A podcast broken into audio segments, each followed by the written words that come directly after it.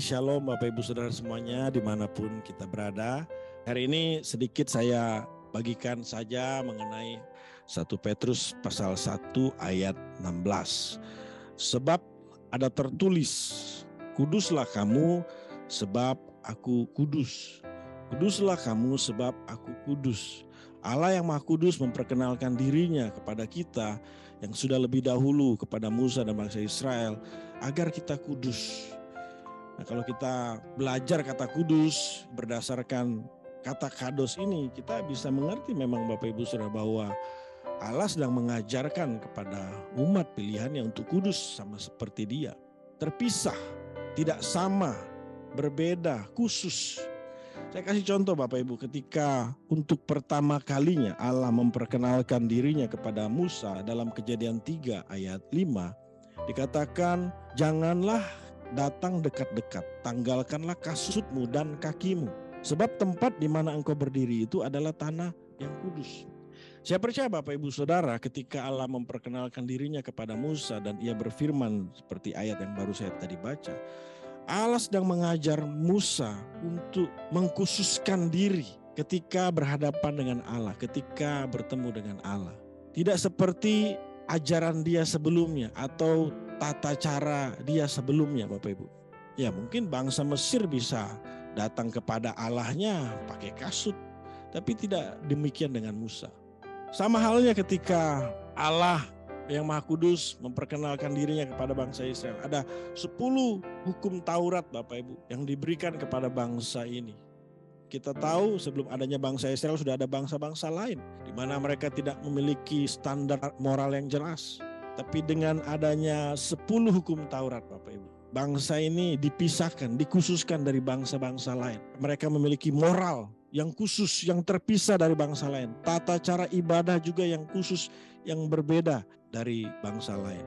Nah, demikian yang saya pahami ketika Allah Maha Kudus memperkenalkan dirinya kepada Musa dan kepada bangsa Israel. Allah sedang mengajar mereka untuk kudus sama seperti aku kudus. Nah Bapak Ibu Saudara, bagaimana dengan kita orang Kristen hari ini?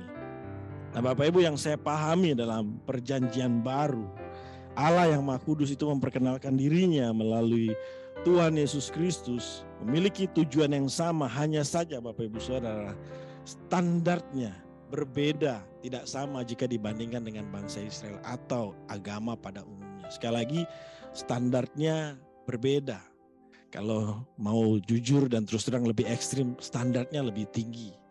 Saya baca dalam Matius 5 ayat 23 sampai 24. Sebab itu jika engkau mempersembahkan persembahanmu di atas mesbah dan engkau teringat akan sesuatu di dalam hati saudaramu, engkau tinggalkan persembahanmu itu di depan mesbah itu dan pergilah berdamai dahulu dengan saudaramu. Lalu kembali untuk mempersembahkan persembahanmu itu. Nggak ada Bapak Ibu Saudara agama diajarin lagi ibadah tinggalin ibadahnya. Hanya kekristenan yang diajarkan kalau mau ibadah ada sesuatu yang mengganjal di hati khususnya dengan saudara kita. Gak usah ibadah, tinggalin ibadah itu. Bahkan kalau secara ekstrim Tuhan Yesus mau katakan ya sia-sia ibadah kalau tidak kudus di bagian hati ini. Nah lalu dalam hal moral pun Bapak Ibu Saudara ya Tuhan mengajarkan satu standar yang berbeda dalam Matius 5 ayat 28 sampai 30. Tetapi aku berkata kepadamu setiap orang yang memandang perempuan serta menginginkannya sudah berzina dengan perempuan itu di dalam hatinya. Bahkan Tuhan juga mengajar dalam Matius 5 itu yang menajiskan yang membuat tidak kudus itu bukan yang masuk ke dalam mulut. Bukan soal hal jasmani lahiriah. Tapi yang keluar dari mulut ini loh yang berasal dari hati. Bapak Ibu di akhir renungan ini saya ingin sampaikan bahwa untuk hidup kudus itu nggak sulit sebenarnya. Ini persoalan hati, mau nggak kita menata hati kita, ya, membereskan hati kita, untuk kita benar-benar tulus, jujur. Sebelum ibadah, kalau ada ganjelan kita selesain dulu. Sesimpel itu sebenarnya Tuhan mengajarkan kekudusan. Gak perlu pakai aksesoris-aksesoris agama, terlihat seperti orang suci, jalan seperti malaikat. Tuhan gak pentingin yang seperti itu Bapak Ibu ya. Hidup kudus dalam kekristenan itu dimulai dari hati. Demikian renungan di hari ini.